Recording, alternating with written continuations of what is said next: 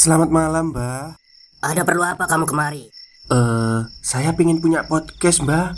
Biar pacar saya makin cinta sama saya. Loh, loh, loh. Mau bikin podcast kok tanya dukun? Sekarang kamu download aplikasi Anchor.fm. Di situ kamu bisa buat podcast gratis dan podcast kamu bisa didistribusikan ke platform mana pun. Dan di aplikasi atau website Anchor.fm juga terdapat fitur-fitur yang memudahkan kamu untuk membuat podcast. Oh, gitu ya, Mbak. Kalau gitu, saya boleh minta password wifi-nya, Mbak. Buat apa? Buat download Anchor.fm, Mbak.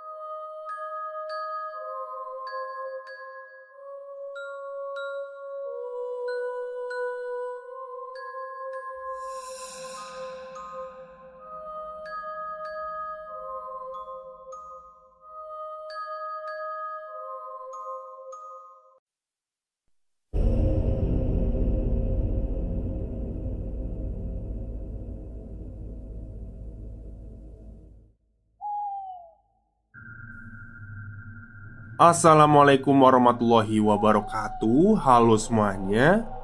Jumpa lagi dengan saya Chow Sing Sing Kurator dari podcast Horror Night Story.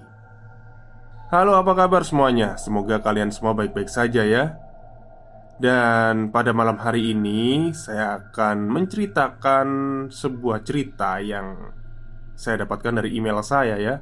Jadi ini adalah kiriman email dari subscriber podcast Horror Night Story Dari Mas Rizky asal dari Tangsel. Tangsel itu Bong Bontang Selatan mungkin ya. Oke daripada kita berlama-lama Mari kita simak ceritanya. Assalamualaikum warahmatullahi wabarakatuh. Salam pecinta misteri dan horor terutama kisah-kisah nyata Kali ini perkenankan saya bernama Rizky Asal BSD Tangsel Akan membagikan beberapa kisah nyata horor Saat sedang mengendarai sepeda motor di beberapa lokasi kejadian Yang masih seputaran Jabodetabek. Siapa bilang? Hingar-bingar ibu kota tidak menyimpan kisah mistis. Buktinya saya mengalaminya sendiri. Kisah pertama saya alami ketika masih duduk di bangku kuliah, tepat hari Kamis tahun 2009. Kala itu, saya beserta dua orang rekan saya hendak merencanakan touring ke Sukabumi, di mana itu adalah salah satu kampung halaman teman saya. Saya Rizky, Ical, dan Kesit. Hendak bertolak dari Taman Puring menuju Sukabumi Via Parung Bogor. Dua motor dengan formasi Kesit dan Ical berboncengan Dan saya Solo Reading.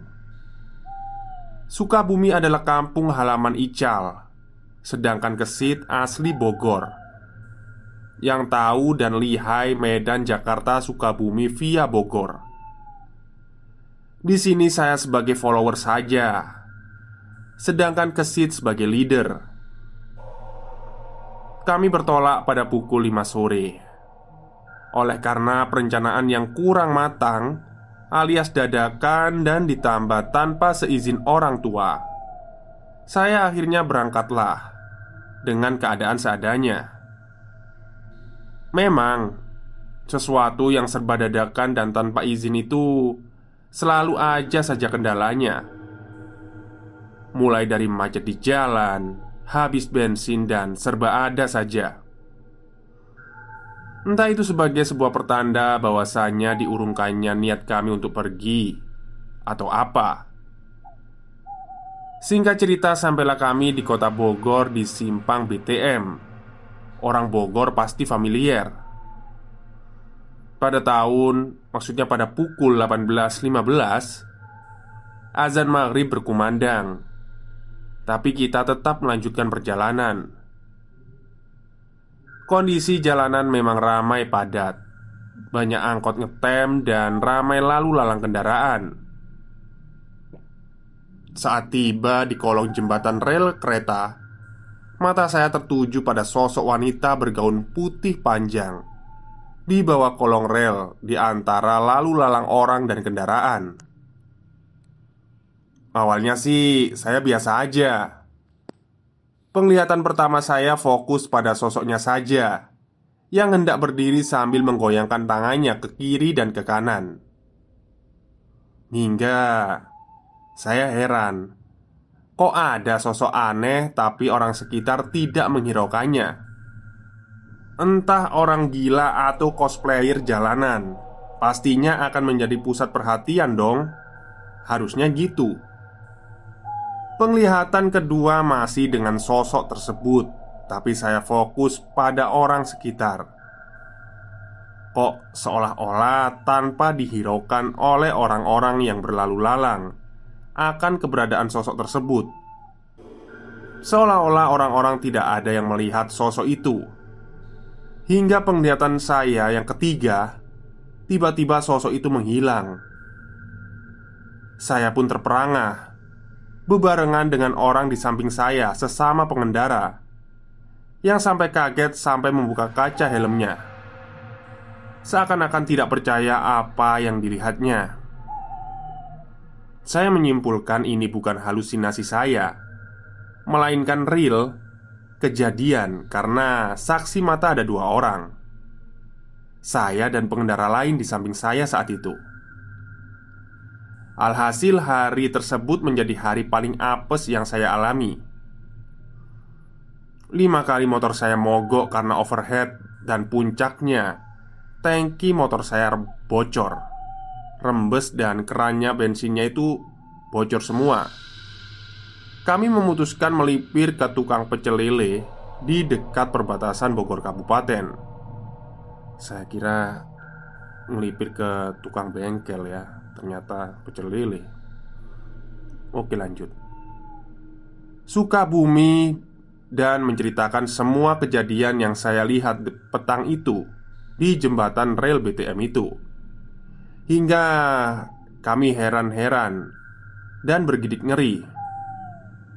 Kisah kedua dialami oleh saya dan sepupu saya.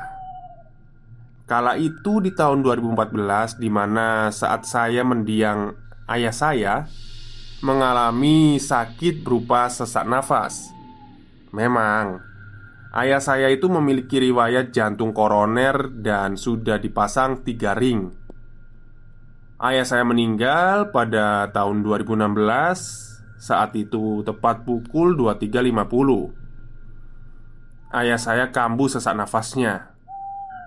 Kami memiliki tabung oksigen sebenarnya. Akan tetapi Karena persediaan tabung oksigen kami habis Dan tepat di tengah malam pula Akhirnya saya beserta sepupu saya pergi mencari isi ulang oksigen yang entah kami cari di mana menggunakan sepeda motor. Dengan perasaan panik, gusar bercampur bingung. Alhasil kami berinisiatif mengisi isi tabung oksigen di sebuah rumah sakit di BSD. Dengan dalih keadaan darurat, kami memohon untuk minta diisikan oleh petugas nakes IGD rumah sakit itu. Walaupun sebenarnya kami menyalahi prosedur. Setelah mendapatkan isi dari tabung oksigen yang kami butuhkan, singkat cerita kami langsung gas pulang ke rumah karena kedatangan kita dan tabung oksigen itu amat sangat dinanti oleh keluarga.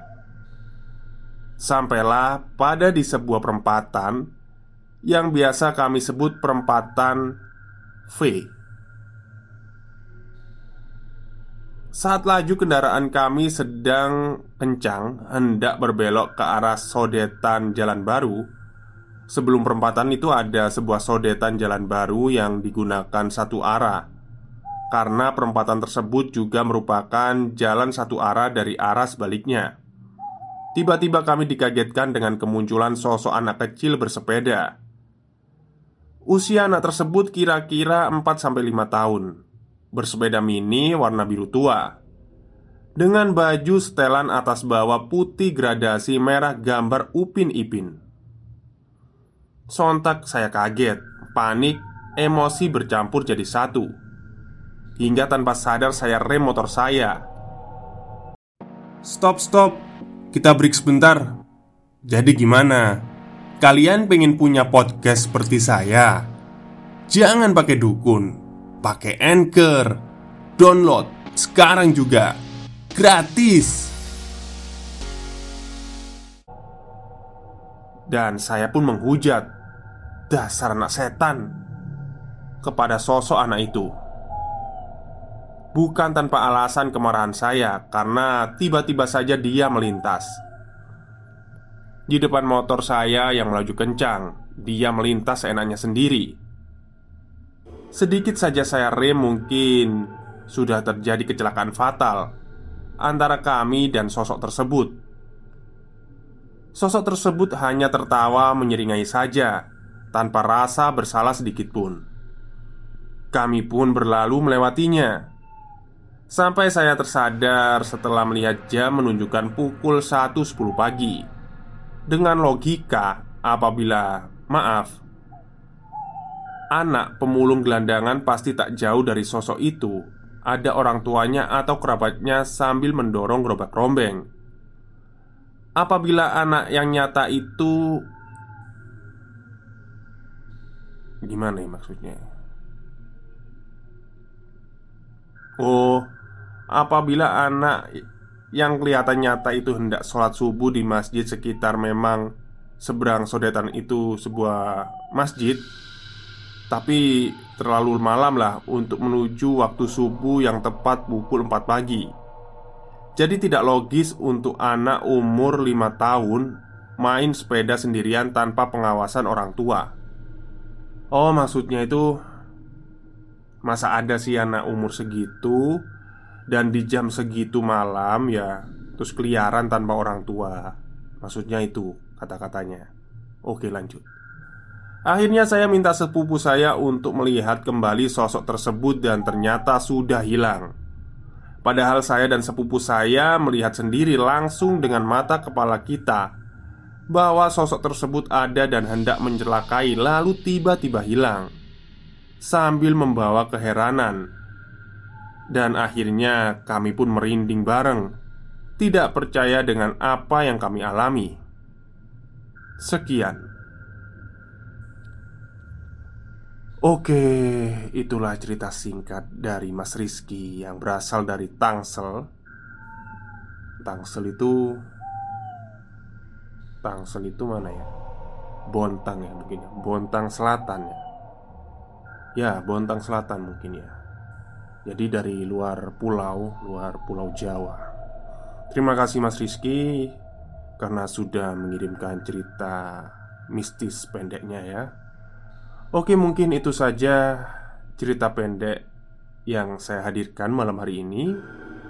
Selamat bermalam minggu dan selamat beristirahat.